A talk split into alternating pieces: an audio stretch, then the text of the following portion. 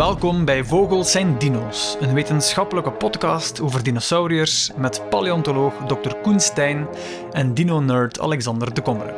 Op donderdag 20 oktober 2022 hadden Koen en ik een wel heel lange opnamesessie en hier is dus deel 1 van aflevering 3, de nieuwe dino's van deze maand. En we beginnen met een primeur. Koen, we hebben onze eerste luisteraarsvraag van Jonas Verbeke. Jonas Verbeke heb ik gezien, Mhm. komt uit Izehem. Ik ben daar niet ver van geboren, dus zijn eerste vraag zal waarschijnlijk zo klinken. We kiezen een favoriete dino.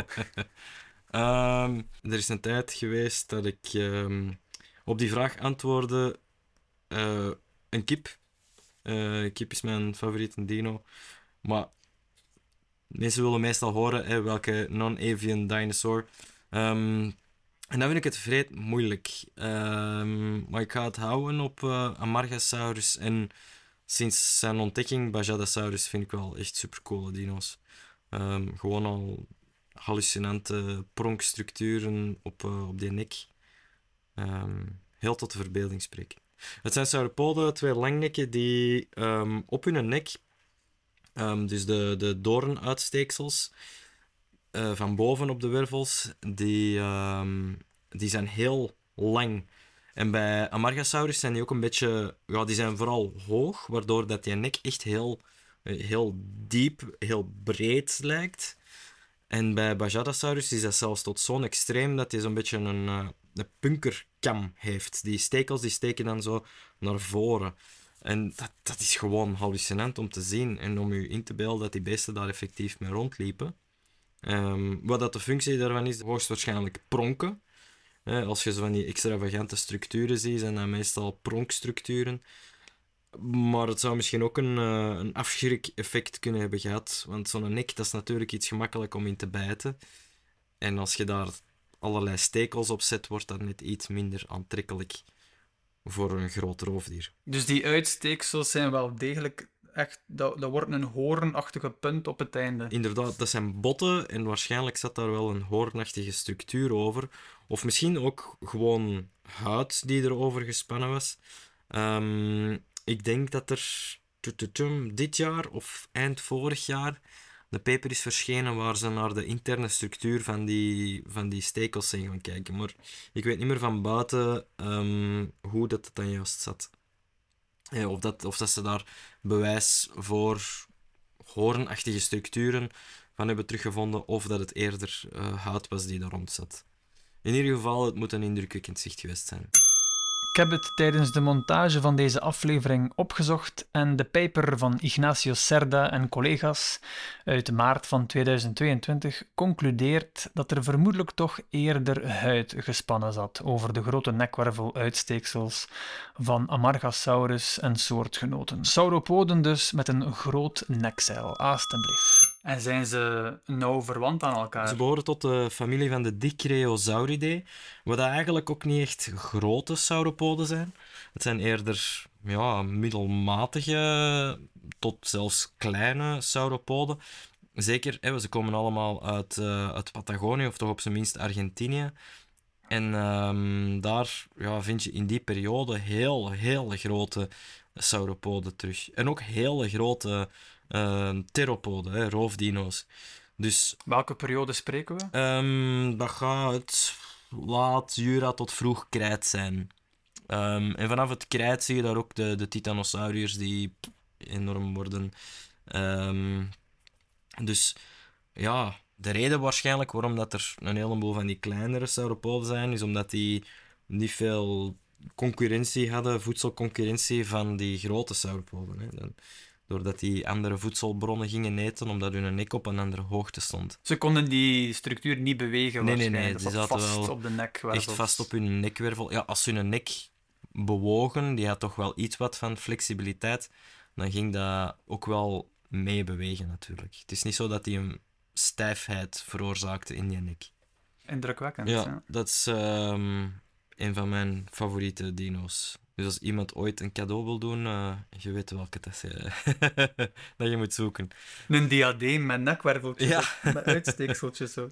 Dat wil Koen heel graag voor zijn volgende verjaardag. Alright, Jonas, bij deze. Wat heb je vandaag nog gedaan? Ja, mijn plan was vandaag om eh, samples die ik vorige week genomen heb van uh, de Diplodocus in het museum, de nieuwe, om die in hars in te gieten. Voor de mensen die YouTube kijken, hè, ik heb hier een fragment van zo die rib. Daar hebben we dus een stuk afgesneden om daar dan slijplaatjes van te maken, om die onder de microscoop te bestuderen. Want dat is wat ik doe. Uh, en te gaan kijken hoe oud het dier was toen hij stierf. Maar het zal voor uh, na deze opname zijn om het in te gieten. Mm Hoe dat ze dat doen is, dus je neemt die, die monsters, die stalen, en we snijden die door in, uh, in de helft. En dan wordt dat oppervlak, dat aangesneden oppervlak, wordt gepolijst en op een uh, glasplaatje gekleefd. En dan ga je um, dat afsnijden. Dus dat, dat flinterdunne laagje, dat wordt op een dikte van ongeveer 200 micrometer meestal afgesneden. Dat zijn twee haardiktes. En dan moet dat nog een beetje gepolijst worden. Dus dan wordt dat dunner gepolijst tot een dikte van tussen de 50 en de 100 micrometer. En dan, kan je, dan wordt het zo dun dat het licht erdoor kan. En dan kan je die onder de microscoop bestuderen. Ongelooflijk. Ja. Hetgeen dat je kan zien bij ons in het museum, dat is dus een, een kopie en de ledematen en een deel van de wervelkolom behoren aan uh, een diplodocus die Aurora heet. Enfin, als het effectief een diplodocus is, want het, het skelet is nog niet helemaal wetenschappelijk bestudeerd. Um, maar wat je dus in Brussel ziet, is ook aangevuld met uh, wervels en andere delen van andere diplodocussen. Dat maakt dus uh, dat we wel een compleet skelet hebben, maar dat is wel gebaseerd op verschillende individuen uh, en misschien zelfs verschillende soorten. Um, maar hij komt er wel -hmm. goed mee weg. Ik denk niet dat er ergens ter wereld een compleet skelet van een diplodocus ontdekt is. Um, zelfs die van het Carnegie, van, van buiten weet ik het niet zeker, maar die dat je vroeger in het Natural History Museum in de inkomhal kon zien, dat is de Carnegie Diplodocus, ook een kopie weliswaar. Um, en die staat ook in Parijs, denk ik. Die is bij mijn weten ook hier en daar wel een stukje aangevuld. Hè? Dus ze probeerden mm -hmm. altijd een compleet beeld te krijgen. Maar de meeste van die skeletten zijn dus helemaal niet compleet. Hè? Aurora is ongeveer 40% compleet. Dus dat, is, dat wil zeggen, de ledematen, een stukje van de wervelkolom. Uh, en dan een deel van die wervels is ook maar voor de helft bewaard.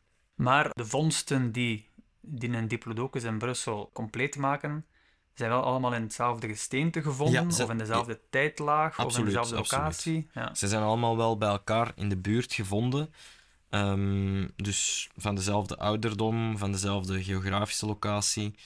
Um, want ja, anders dan zijn je natuurlijk een beetje fake nieuws aan het maken. Hè?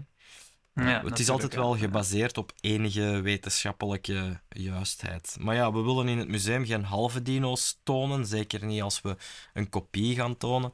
En dan willen we toch de mensen ja. een beeld geven van hoe het dier er in zijn geheel uitzag.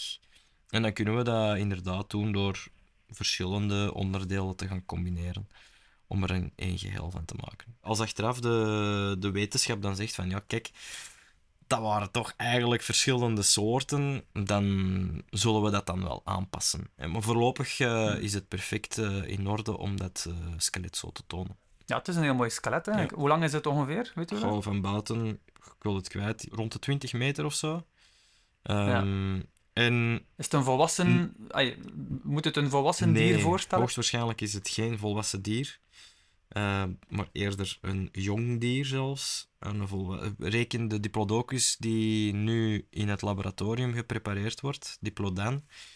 Die zijn dijbeen is maar 20 centimeter langer. Maar als je zijn gewicht, of zelfs 30 centimeter, als je zijn gewicht gaat schatten, dan zit hem al aan het dubbele van het gewicht. De Diplodocus die in de zaal staat, zit rond de 7,5 ton, 7500 kilogram. Terwijl de Diplodocus dan, die gaat gemakkelijk rond de 15.000 zitten. En dat is dan nog geen volwassen Diplodocus. Een volwassen Diplodocus, dan mocht je al 30.000 kilo gaan rekenen. Dus die gaat nog eens het dubbel van dan wegen. En die gaat ook rond de 30 meter lang zijn.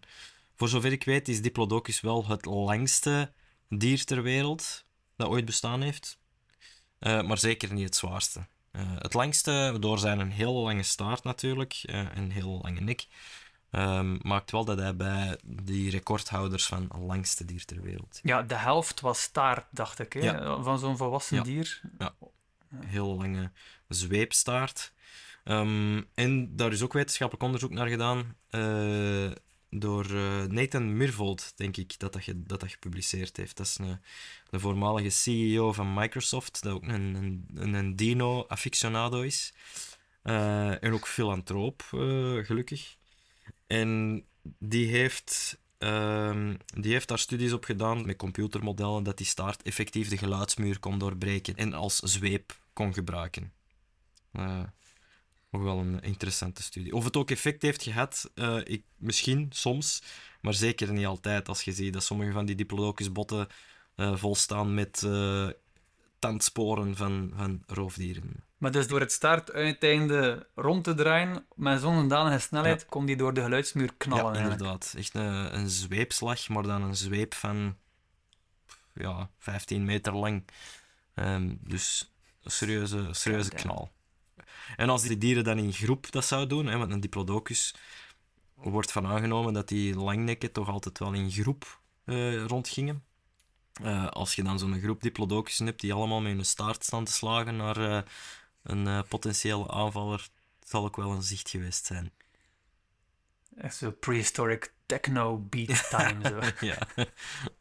Het is toch niet allemaal te stampen op zo hardcore. Funny. Alright, wat heeft de wetenschap ons sinds oef, 27 september een, geboden? een boel, een boel. Um, we zullen beginnen misschien met een uh, niet-dino, um, maar wel...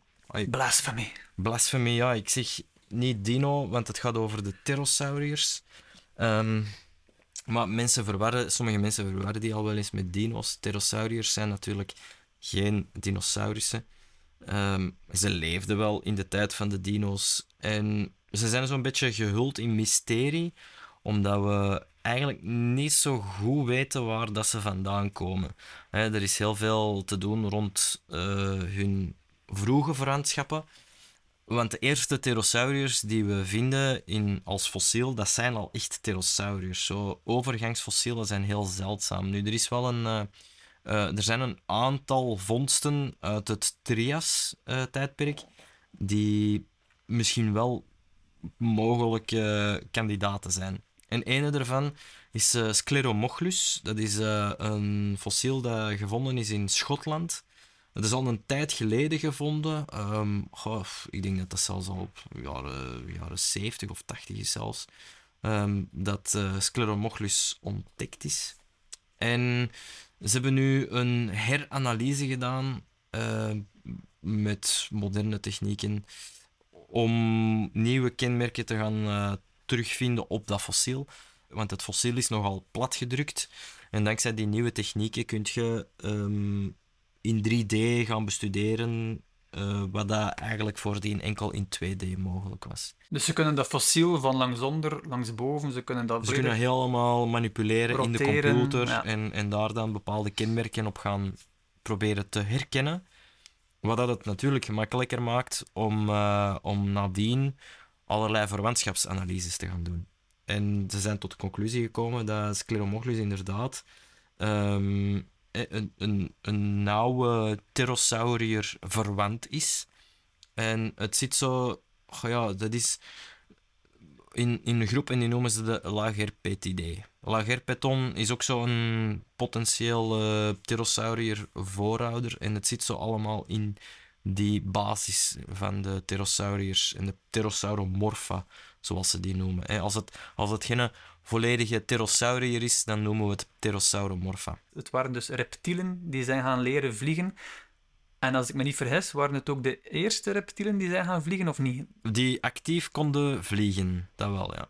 Dus ze, ze hebben voor het eerst in de geschiedenis van het leven zijn ze erin geslaagd om um, actief te vliegen. Dus niet gewoon uit een boom springen en naar beneden glijden met, met zweef, ja, zweefoppervlakken, maar door actief te gaan klappen met hun vleugels, flapperen, actief in de lucht blijven.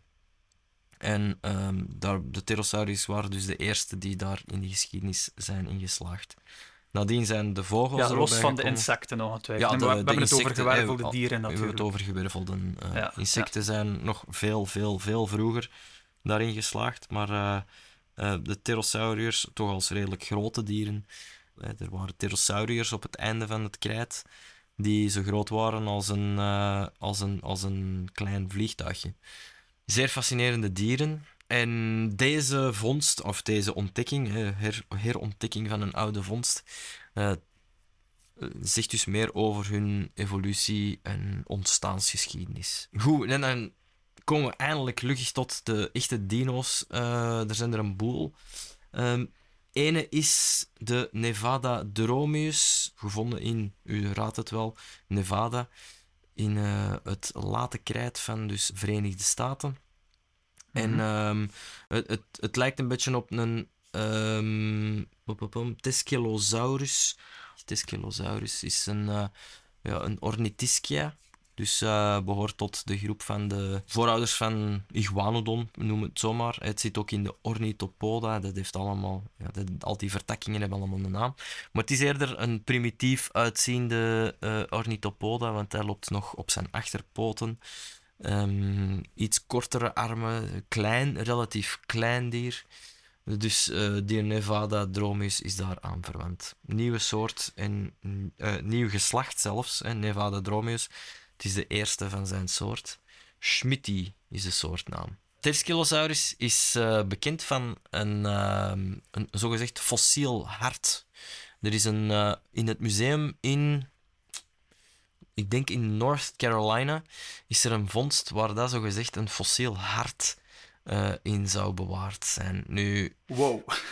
ja, dat is, dat is al een, een vondst van in de jaren 90, eh, 1993. En ehm, ze zeggen het is een natuurlijk afgietsel. Het is een redelijk compleet skelet van die Teskelosaurus dat er in eh, North Carolina ligt. En ehm, binnenin de borstholte is er een massieve concretie, echt een, een, een keihard stuk geutiet. Dat is een eh, ja, ijzersteen, als je wilt, hè, ijzeroxide. Mhm. En ze hebben CT-scans gedaan en gedacht dat het de structuur had van een vierkamerig hart, zoals dat je bij vogels ziet, hè, met een aorta en ehm, eh, wat dat ook aanwijzingen zouden zijn voor endothermie en zo. Maar dan, Mhm. Warmbloedigheid bedoel je daarmee? ja, ja, ja, absoluut, ja, warmbloedigheid. En dan hebben ze begin jaren 2000, hè, vanaf begin jaren 0, met nieuwe technieken, dat, er is dat een beetje in twijfel getrokken. Er waren een aantal aanwijzingen dat die structuur toch niet een hart zou kunnen zijn, omdat er voor de rest geen andere bloedvaten bewaard waren. En er zou een aorta aan zitten, maar geen andere bloedvaten, dat al heel raar is. Ehm, Dus het is waarschijnlijk geen gefossiliseerd Nee, het is hart. waarschijnlijk geen gefossiliseerd hart. Ehm, nu, in die borstholte, toen het dier nog leefde, daar zal wel de grootste concentratie aan bloed geweest zijn. En het kan wel zijn dat, dat het ijzer dat in dat bloed aanwezig is, voor een kristallisatiekern gaat zorgen. Hè? Dat, dat, dat vanaf daar dan zo een concretie zich kan vormen. Ehm, maar dat de structuur van het hart bewaard zou gebleven zijn, is wel echt heel onwaarschijnlijk. Dus ook weer een van die eh, mythes die doorprikt is met eh, moderne analysetechnieken. Boeiend. Ja. Maar dus in een eh, Nevada dromeus is in het gesteente van het laatkrijt gevonden. Hè? Ja, ja. Maar ze noemen het ook opnieuw een, een basal neonatiscien. Dus eh, het vertoont ook primitieve kenmerken. Het is Ja. een beetje zoals onze jacapil uit de vorige aflevering. Inderdaad, ja. Wat dat wel op, op zich straf is, hè, want je zit uiteindelijk wel in ja, het laat krijt, dus redelijk laat in de tijd, maar wel een dier met zogezegd primitieve kenmerken. Ehm, en, en dat zijn zo van die, ja, van die stok eh, dinosaurs die dan overleven. Dat wil niet zeggen dat die, die, heeft, die heeft al die primitieve kenmerken. Het is gewoon een eh, die de kenmerken heeft. Het is een even ver geëvolueerde als alle andere dino's van zijn tijd. Want hij leefde na Iguanodon. Cenomaniaan, dat is, eh, dat is na Iguanodon. Terwijl hij meer primitief zou zijn dan Iguanodon. Dat komt gewoon omdat die groep van dino's langer heeft overleefd dan die, dan die Iguanodon. Hè. Ehm, En komt dat ook niet omdat zijn leefomgeving het van hem niet vereiste om Ja. verder te evolueren of anders te gaan evolueren of Als, te gaan diversifiëren? inderdaad, als die een niche vindt om in te kunnen overleven, ehm, dan gaat die soort de kenmerken van zijn voorouders behouden. Ehm, dus het is niet zo dat, dat primitieve soorten zullen uitsterven. Nee, integendeel, als die hun- in hun omgeving goed gedijen, dan gaan die die kenmerken behouden en is er geen selectie naar meer afgeleide kenmerken. Cool, coole vondst. Ja, coole vondst. We zullen verder over de nieuwe vondsten gaan. Hè. First record of pseudognathid dinosaurs van eh, Coahuila in Mexico. Synagnatiden, dat is een groep van Oviraptor-achtige dino's. Voor de eerste keer dus ook in Mexico teruggevonden. Daarvoor beperkt tot vooral Azië, Mongolië en China. Ehm, maar ook in Noord-Amerika zijn er nog niet zo heel lang geleden trouwens Oviraptorosauriërs eh, teruggevonden. Maar nu zitten ze dus ook meer naar het zuiden toe in Mexico zelf. Dat is interessant Ja. om, eh, om studies van biodiversiteit ehm, vervolledigen en verspreiding van dinosaurussoorten. Oviraptorosauriërs, voor de mensen die eh, ze niet kennen, die hebben een soort van bek. Ze zien er een beetje uit eigenlijk als je, als je ooit al een, een casuaris hebt gezien, zo'n eh, zo'n blauwe helmvogel uit eh, Nieuw-Zeeland. Ze lijken er een beetje op, maar ze hebben een veel kortere snuit. Ze hebben geen tanden, maar echt een bek. En hun naam komt eigenlijk van eh, Oviraptorosaurier. dat betekent eierdief. De eerste Oviraptor eh, die gevonden is, komt uit Mongolië en die werd gevonden bovenop een nest. En omdat er in de eieren geen embryo's zaten, dachten ze dat die Oviraptor die eieren aan het roven was eh, om ze op te eten. Zijn bek doet ook wel een beetje denken aan dat hij ja, vooral een eierdief was, een eiereter.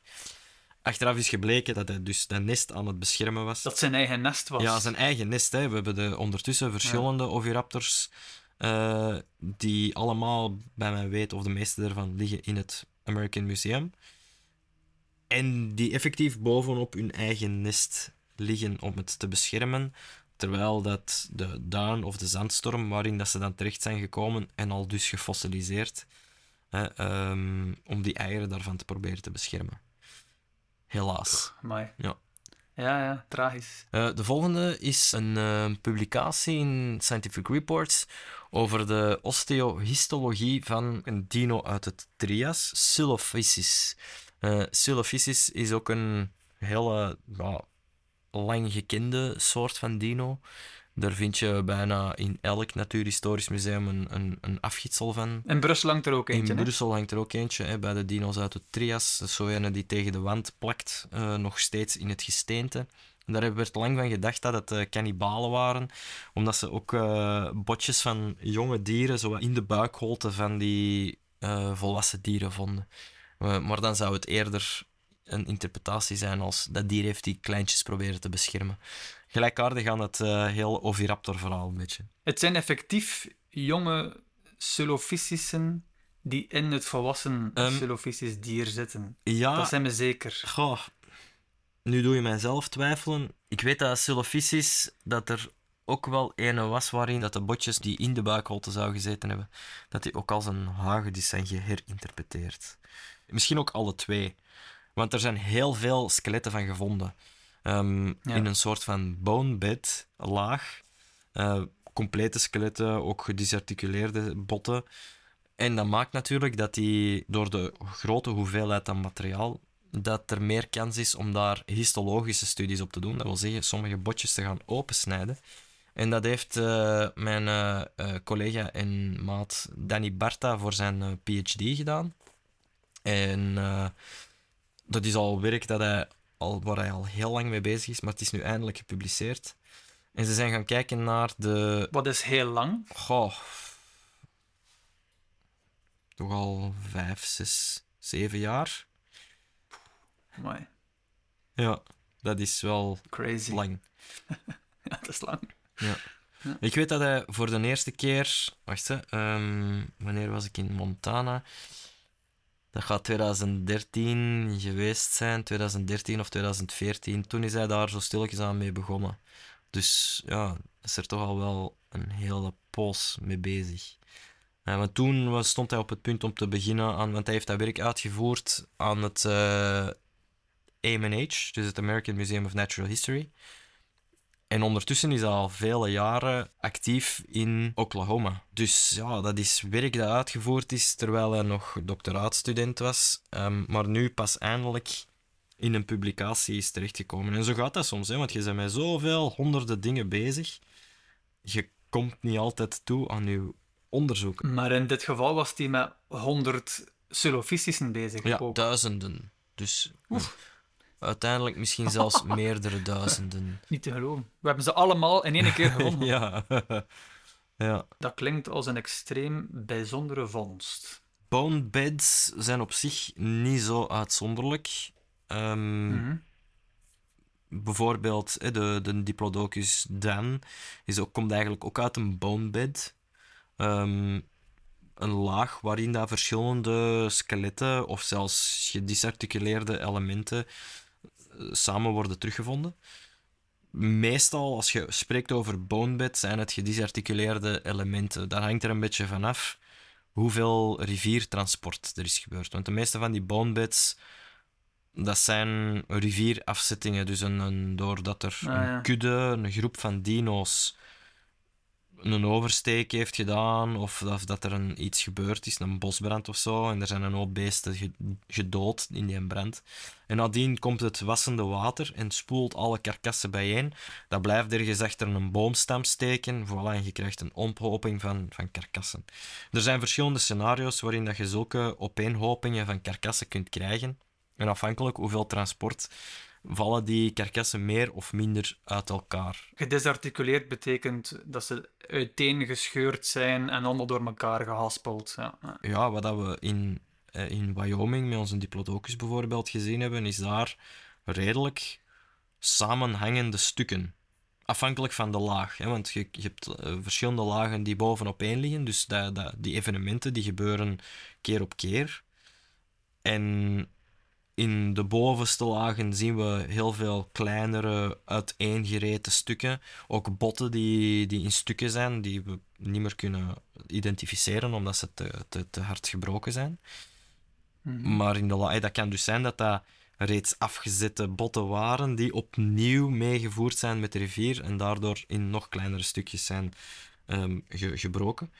En als we dan in de diepere laag gaan kijken, dan zien we daar ook effectief meer complete skeletten eh, in tevoorschijn komen. Ehm, een ander voorbeeld van een, van een bonebed, dat is eh, bijvoorbeeld de iguanodons van Bernissar.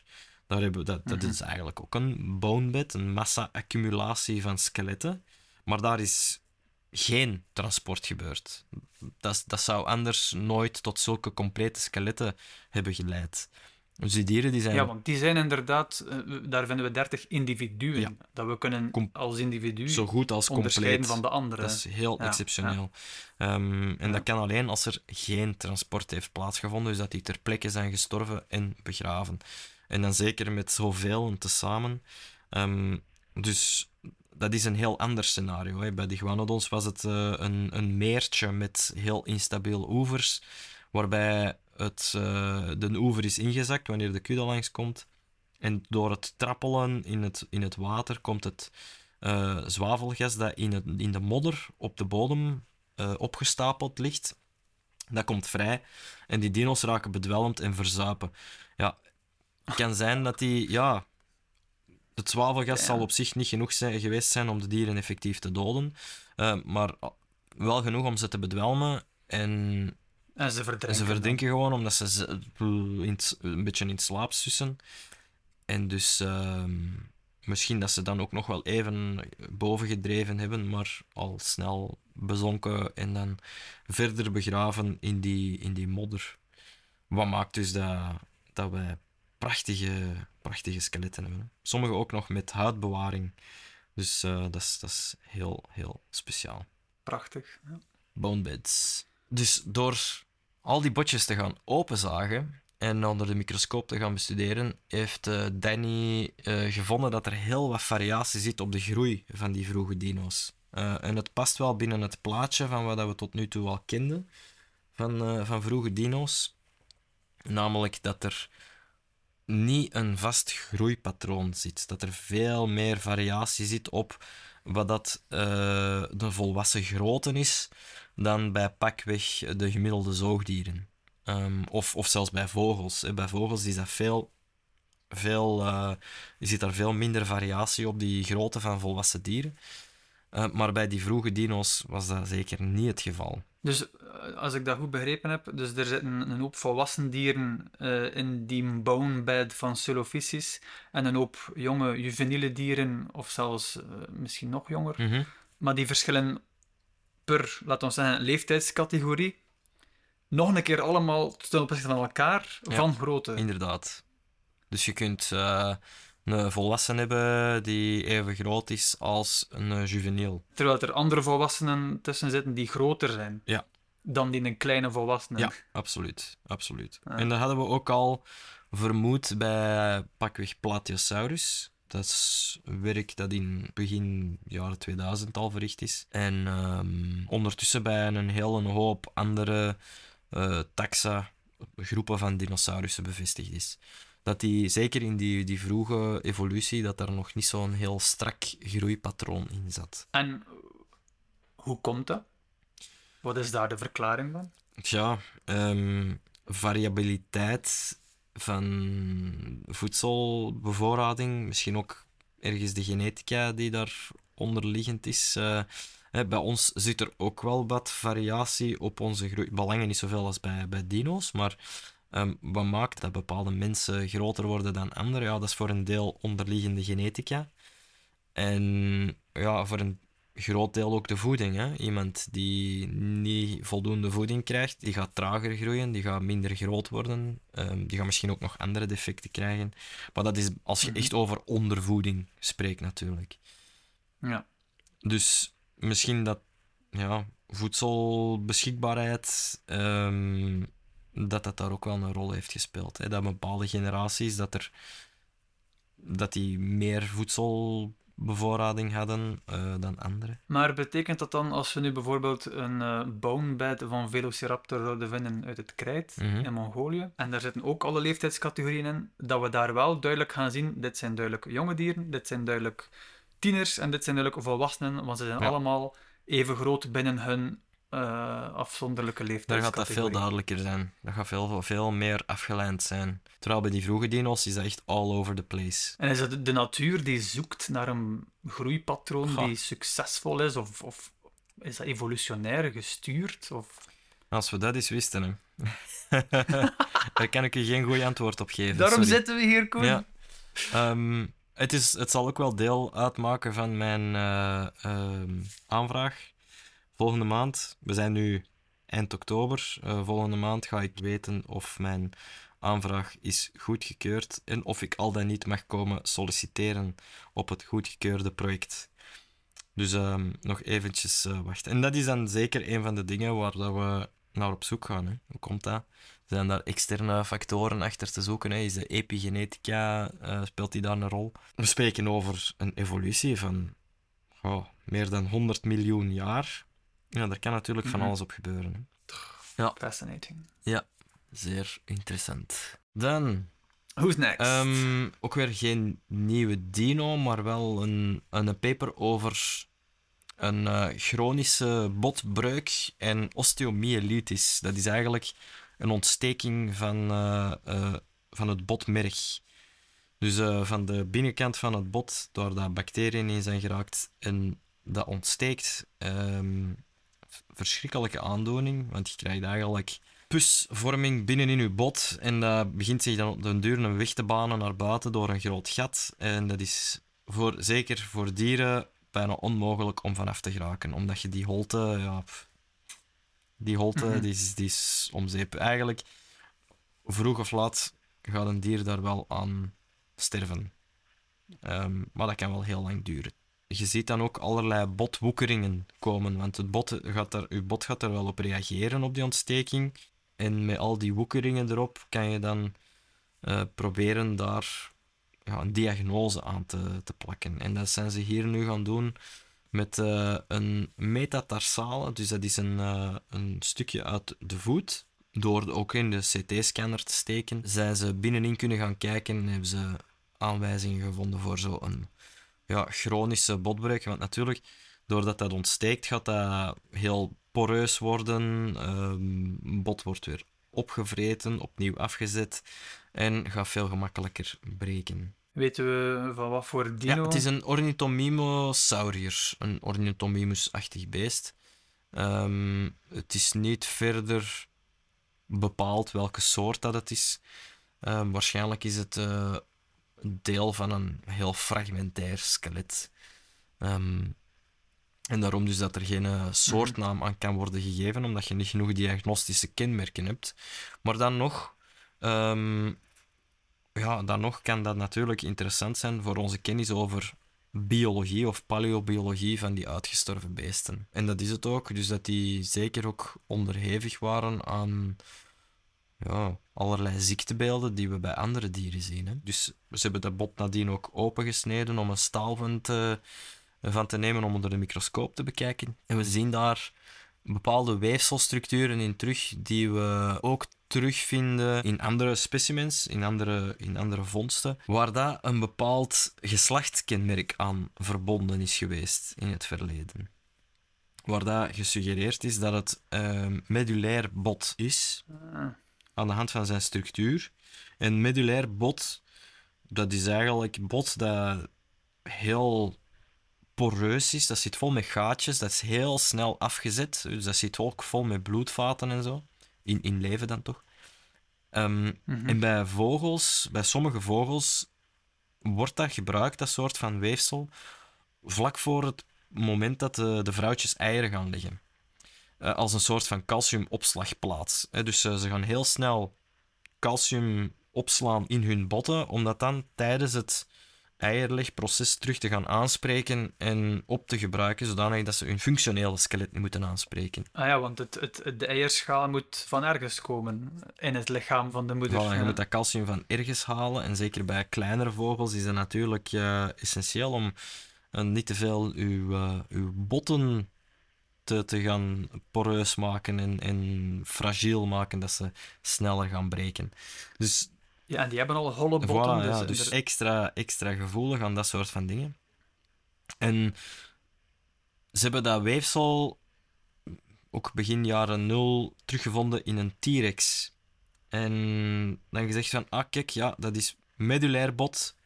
Dus dit moet een vrouwtje zijn vlak voor het eierlegproces. Niet bij nagedacht dat er misschien ook nog andere redenen kunnen zijn waarom zo'n T-Rex zulk bot zou aanmaken. Uh, en ondertussen zijn er meerdere gevallen geweest uh, van botten waar dat dit soort van weefsel is teruggevonden. Onder andere ook juveniele van een bepaalde soort. Wat wil zeggen, die dieren waren nog niet aan het eier leggen. Dus het moet wel een andere functie hebben gehad. Ik kan niet zeggen dat het medullaire bot in een T-Rex absoluut niet was om eieren te leggen. En dat het, dat het sowieso geen vrouwtje was of zo. Het kan nog altijd zijn, maar de zaak ligt misschien wel iets complexer. En deze studie is weer zo'n een, voorbeeld dat aantoont van, ja kijk, dat medulair bot, misschien is dat toch niet zo'n één op één correlatie, dat als je dat vindt, dat je dan te maken hebt met dat een, een vast vrouwtje. Ja. dat gaan die T-Rex lovers niet zo tof vinden dan.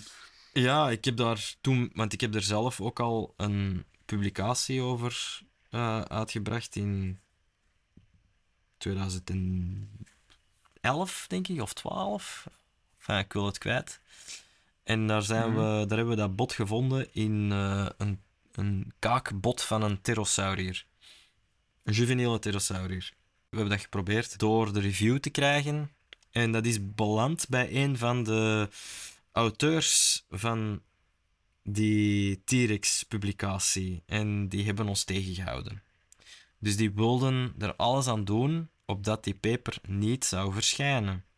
Omdat ze zich, ik weet het niet, omdat ze zich persoonlijk aangevallen voelden of zo, of dat ze uh, onze interpretatie te vergaand vonden. Terwijl, ja, kijk naar de plaatjes. Het is dat bot. um, er valt niet veel over te discussiëren. enfin, uiteindelijk is dat dan bij een ander tijdschrift toch gepubliceerd geraakt met andere reviewers. Eh, er zijn volgens mij een paar zeer grote deontologische fouten gebeurd. Maar ja, mensen zijn ook maar mensen.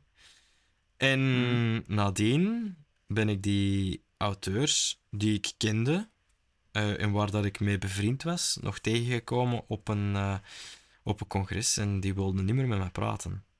Dat is, ja, Echt? echt.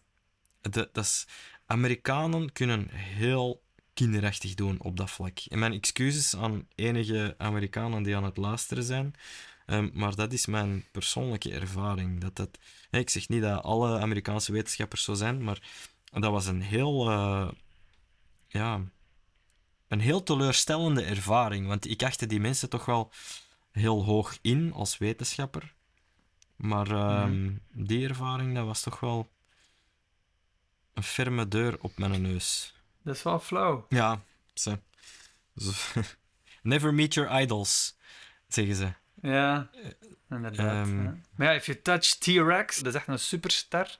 Als je je daar kunt aan koppelen als wetenschapper, zit je waarschijnlijk mee eh, superster of zoiets. Ja, En dan komt er enigszins, ja. een wetenschapper uit België die zegt: Oh, ik heb een alternatieve verklaring voor die eierschaalafzetting op het bot van een vrouwelijke T-Rex. Misschien is dat gewoon een ziekte geweest. Dan zie ik het wel gebeuren dat je op een muur botst. Ja, hè? Ja, Want het ging er eigenlijk om dat wij zeiden van ja, je waart misschien wel fout. En ik heb, ik ja. heb, volgens mij is het gewoon het ego dat niet om kan met kritiek. En het is Ja, zeker ja. geen alleenstaand geval. Ehm, ik ben er zo nog tegengekomen die heel defensief reageerden op het feit als je ook maar iets van onderbouwde kritiek durfde uiten. Wat dat heel onwetenschappelijk is op zich. Mhm. Ja, want Mhm. uiteindelijk, ja, wetenschap is gegevens verzamelen, een idee vormen en dat idee dan telkens opnieuw gaan toetsen met nieuwe gegevens. En dat dan al dan Mhm. niet bijschaven en niet dogmatisch vasthangen aan één bepaalde overtuiging. Het is geen En religie, hè, jongens? Ja, voilà, en je ziet ze daar soms zo hard aan vasthangen. Heel, eh, heel frustrerend soms. Maar. Maar nu, eh, wat denk je dat dat nu gaat doen?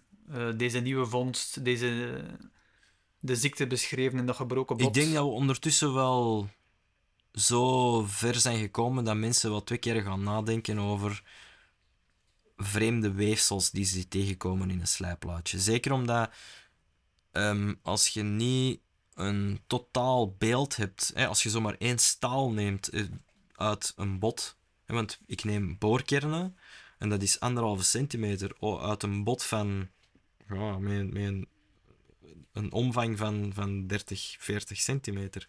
Hmm. Dus dat is maar een heel klein eh, blik die je krijgt van wat er binnen in dat bot gebeurd is. Ehm, en als je daar dan iets vreemds in vindt, dan is het de moeite van nog eens een stapje verder te gaan kijken en bijkomende informatie op te zoeken.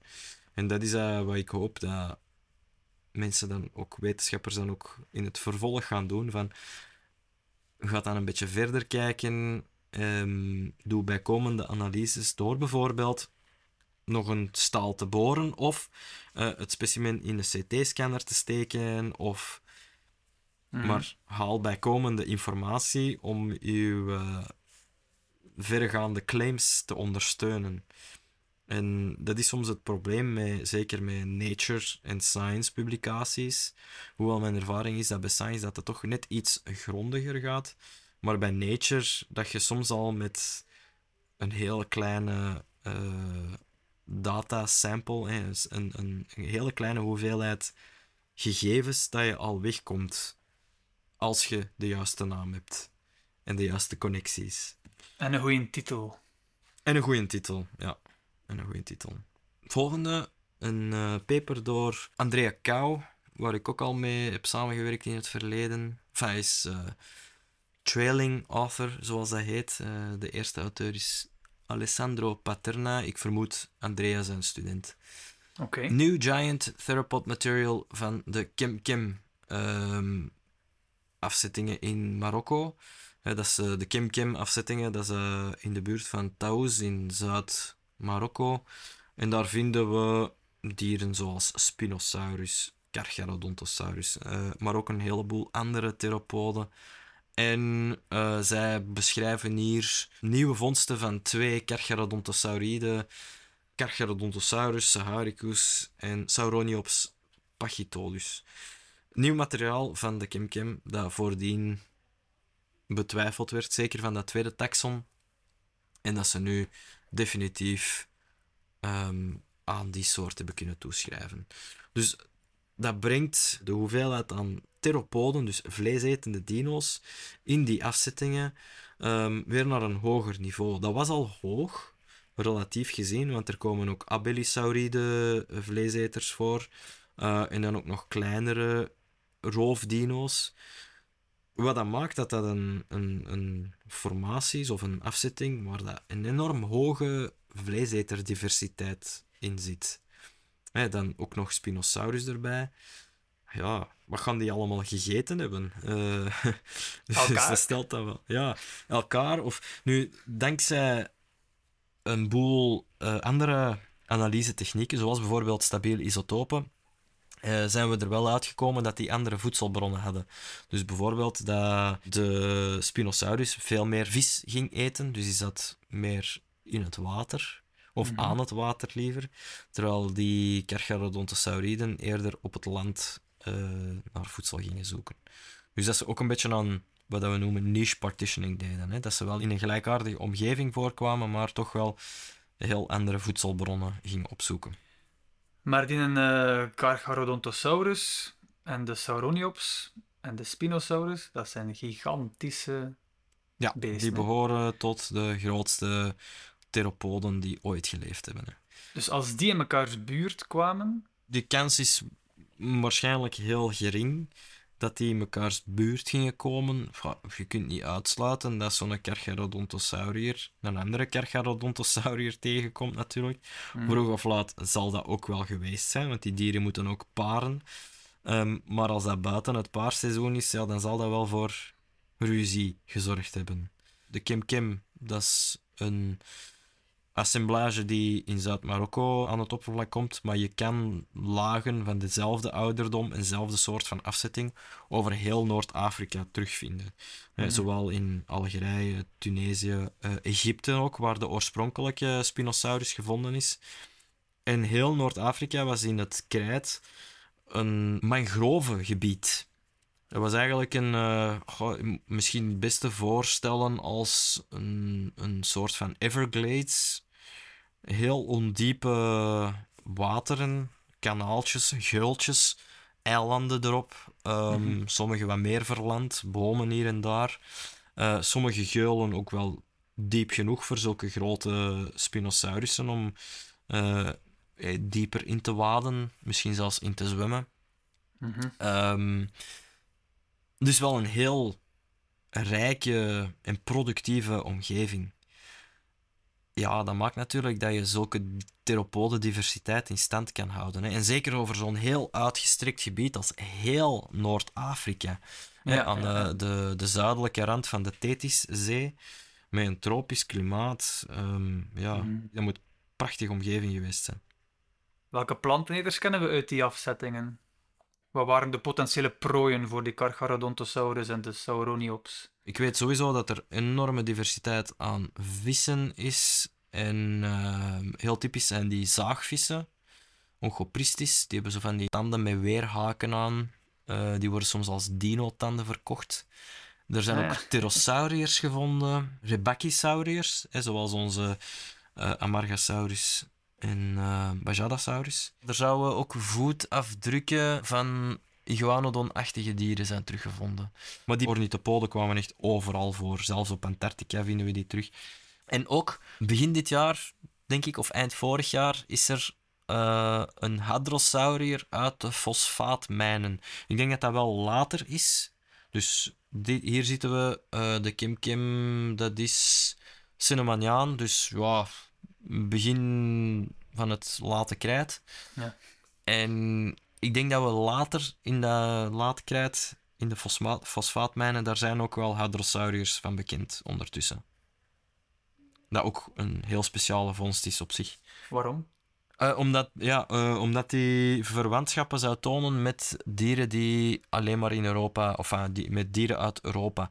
En die vondst die zou gewezen hebben op verbindingen dat die beesten eigenlijk duizenden kilometers zee hebben overgestoken. Zee. Ja, oceaan. Dus de, de, de, de, de straat van Gibraltar, ja, die bestond toen nog niet. Dat is dus maar iets van de laatste 4, 5 miljoen jaar of zo.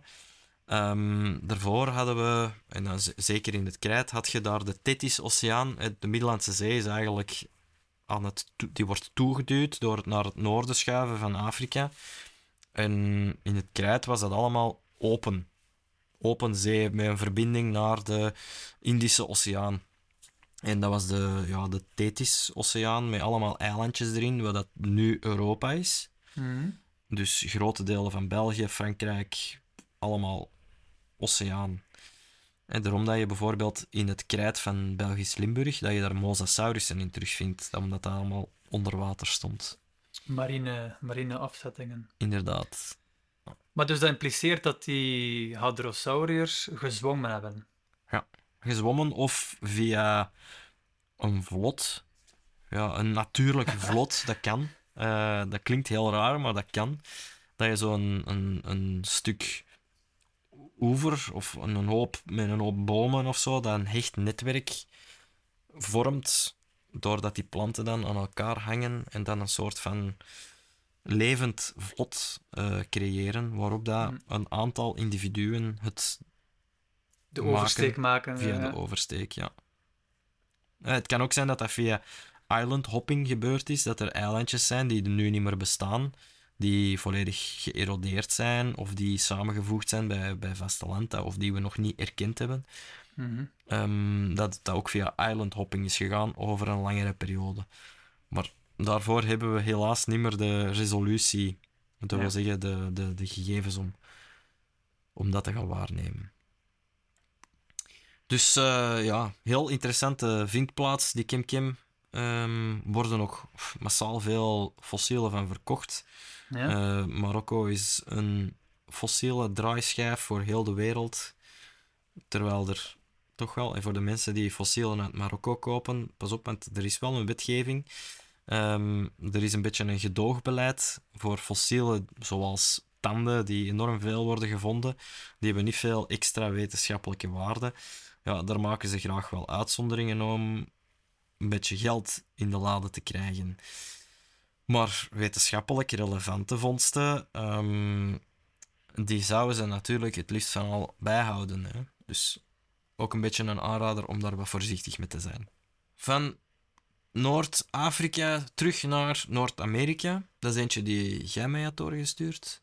Mhm. Large-bodied ornithomimosaurs inhabited Appalachia during the late Cretaceous of North America. Ehm, dus grote ornithomimosauriërs. Gallimimus kennen we vanuit de eerste Jurassic Park film. Mhm. Eh, die lopende chicken mimic, maar dan twee of drie keer zo groot. Ja, je moet je toch wel een dier van 4, 5 meter voorstellen. Lang, hoog. Ja, gigantisch beest. Maar potverdorie, nu valt mij een frank. Dat is dezelfde als, eh, als die pathologie. Het is Dien zijn voet. Het is die, deze eh, voet dat ze hebben teruggevonden. Ja. Dus ze, ze hebben er ze, slim gespeeld. Ze hebben er Ah. twee papers uit kunnen maken. In plaats van de informatie over die pathologie mee in de beschrijving van het materiaal te steken, hebben ze er een aparte paper van gemaakt. Nu, goh, die grote ornithomimosauriërs. Ik weet niet of je Prehistoric Planet hebt gezien. Die documentaire. Er is een aflevering waarin ze Deinocheirus laten zien. En eh, als een soort van wadend beest.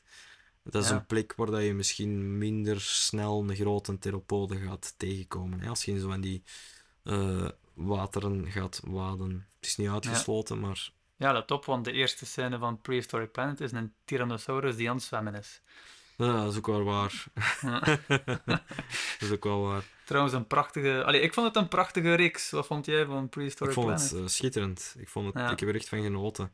Ja. Ehm, vooral omdat het contrast met eh, Jurassic World Dominion kon niet groter zijn. Mhm. hè, waar dat een beetje, een beetje veel wetenschappelijke vrijheid wordt genomen. En dan is dat toch wel een beetje gecompenseerd door de wetenschappelijke nauwkeurigheid van Prehistoric Planet. Dus ik heb er zeker van genoten. Ehm, Ook en de rust waarmee dat ze die dieren Ja. portretteren, jong, zo zalig. Verteld door David Attenborough. Dat is, ja. Ja. het was precies echt een, ja, een documentaire uit het Mesozoicum. Ja, Voilà. inderdaad. Die in Dinocheirus, hoe verder in de tijd hij teruggaat in eh, de dinosaurusboeken, hoe mysterieuzer dat die wordt. Hè. Ja. Want ze vonden die enorme armen eerst, denk ik. ja, ze dachten dat dat een of ander gigantisch roofbeest was. Want ja, daar nog jij dus verschrikkelijke klauw. Terwijl dat het een ornithomimosaurier is, wat dat vooral planteneters waren. Dat is ook weer zo een verhaal van loesje fossiele handelaars die dat skelet verkocht hadden aan een privéhandelaar, dat dan via omzwervingen uiteindelijk toch bij een eigenaar is terechtgekomen die dat connecties had met wetenschappers. En die wetenschappers die hebben dan opgemerkt van, hey, oh, wow, dit is iets heel interessant, iets heel cool, totaal nieuw voor de wetenschap. Kunnen we dat alsjeblieft bestuderen? En dan, dankzij de goodwill van die eh, eh, privé-eigenaar, dat het toch eh, bekend is geraakt voor de wetenschap. Maar voor hetzelfde geld zeg je dat voor altijd kwijt. Hè? Is dat voor altijd ehm, in privéhanden. En als je de snuit van dat beest ook ziet, en van die Dinocheirus, die schedel, dat is echt... Ja, dat is een... Een gigantische... Goh, ik weet niet... Ik zou het met een vogel willen vergelijken. Dat is natuurlijk... Dat doet het beest geen recht aan, want het is een heel andere eh, eh, anatomie. Maar, maar misschien een, ehm, een lepelaar of zo, met een heel diepe bek. En met een heel Mhm. een, eh, hoge, diepe bek. Maar wel enorme klauwen, effectief. Enorme Ja. klauwen, ja. ja. Want die is gevonden in de, als ik het me goed voor heb, in Azië. Ik denk ook Mongolië, Ja. ehm, in, de, in de Gobi-woestijn. En in Mongolië, toen in die tijd, liep de Tarbosaurus rond, denk ik. Hè? Ja. Een soort van eh, Aziatisch neefje van Ja. de Tyrannosaurus. Ja, en zeker zo groot. Trouwens, waarschijnlijk zijn Tyrannosauriërs ook in Azië ontstaan en via landbruggen eh, de Beringstraat overgestoken en in Noord-Amerika terechtgekomen. Hetzelfde trouwens voor gehoornde dino's, ceratopsiden, dat die hun ontstaansgeschiedenis in het vroege krijt in Azië hebben en dan via landbruggen naar Noord-Amerika overgestoken. Dan Noord-Amerika gekoloniseerd is, meerdere malen misschien zelfs, door Aziatische dino's. Moeten we dan de Tarbosaurus beschouwen als een voorouder van de Tyrannosaurus? Dat durf ik niet met zekerheid zeggen. In het Maastrichtiaan van Rusland, want ik heb die, die vondsten heb ik zelf gezien, er zijn Tyrannosaurië resten bekend, dus uit het bovenste, het laatste late krijt van Rusland.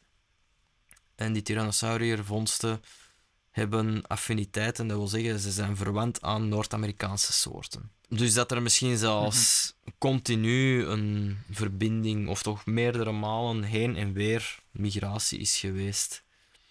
Maar hoe dat Tarbosaurus nu juist verwant is aan Tyrannosaurus rex, dat durf ik niet met zekerheid zeggen.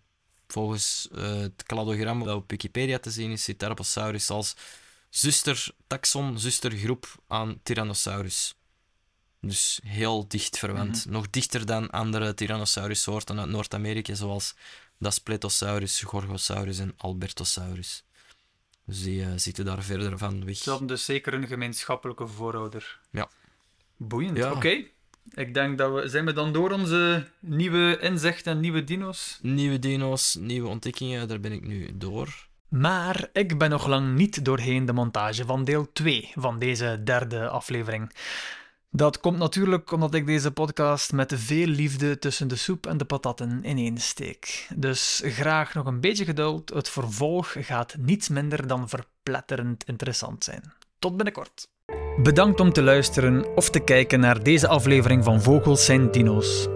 Je kan ons volgen op Facebook, Instagram of YouTube. Geef ons gerust een like, een rating of een review, of maak een beetje reclame, zodat Koen en ik nog veel afleveringen samen kunnen maken. Elke week wordt er wel een nieuwe dino gepubliceerd, dus ons werk houdt nooit op. We creëren deze podcast in eigen beheer zonder budget, dus jouw steun helpt ons enorm. Check zeker de show notes bij deze aflevering voor allerlei coole links en de credits. Heb je een vraag voor ons? Stuur dan een e-mail naar vogelzijndino's.gmail.com of schrijf ons op Facebook, Instagram, YouTube of onze website www.vogelzijndino's.weebly.com. En wie weet beantwoordt Koen jouw vraag in de volgende aflevering van Vogels zijn dino's. Bedankt voor uw aandacht, u zijt fantastisch. Hou je haaks, ciao.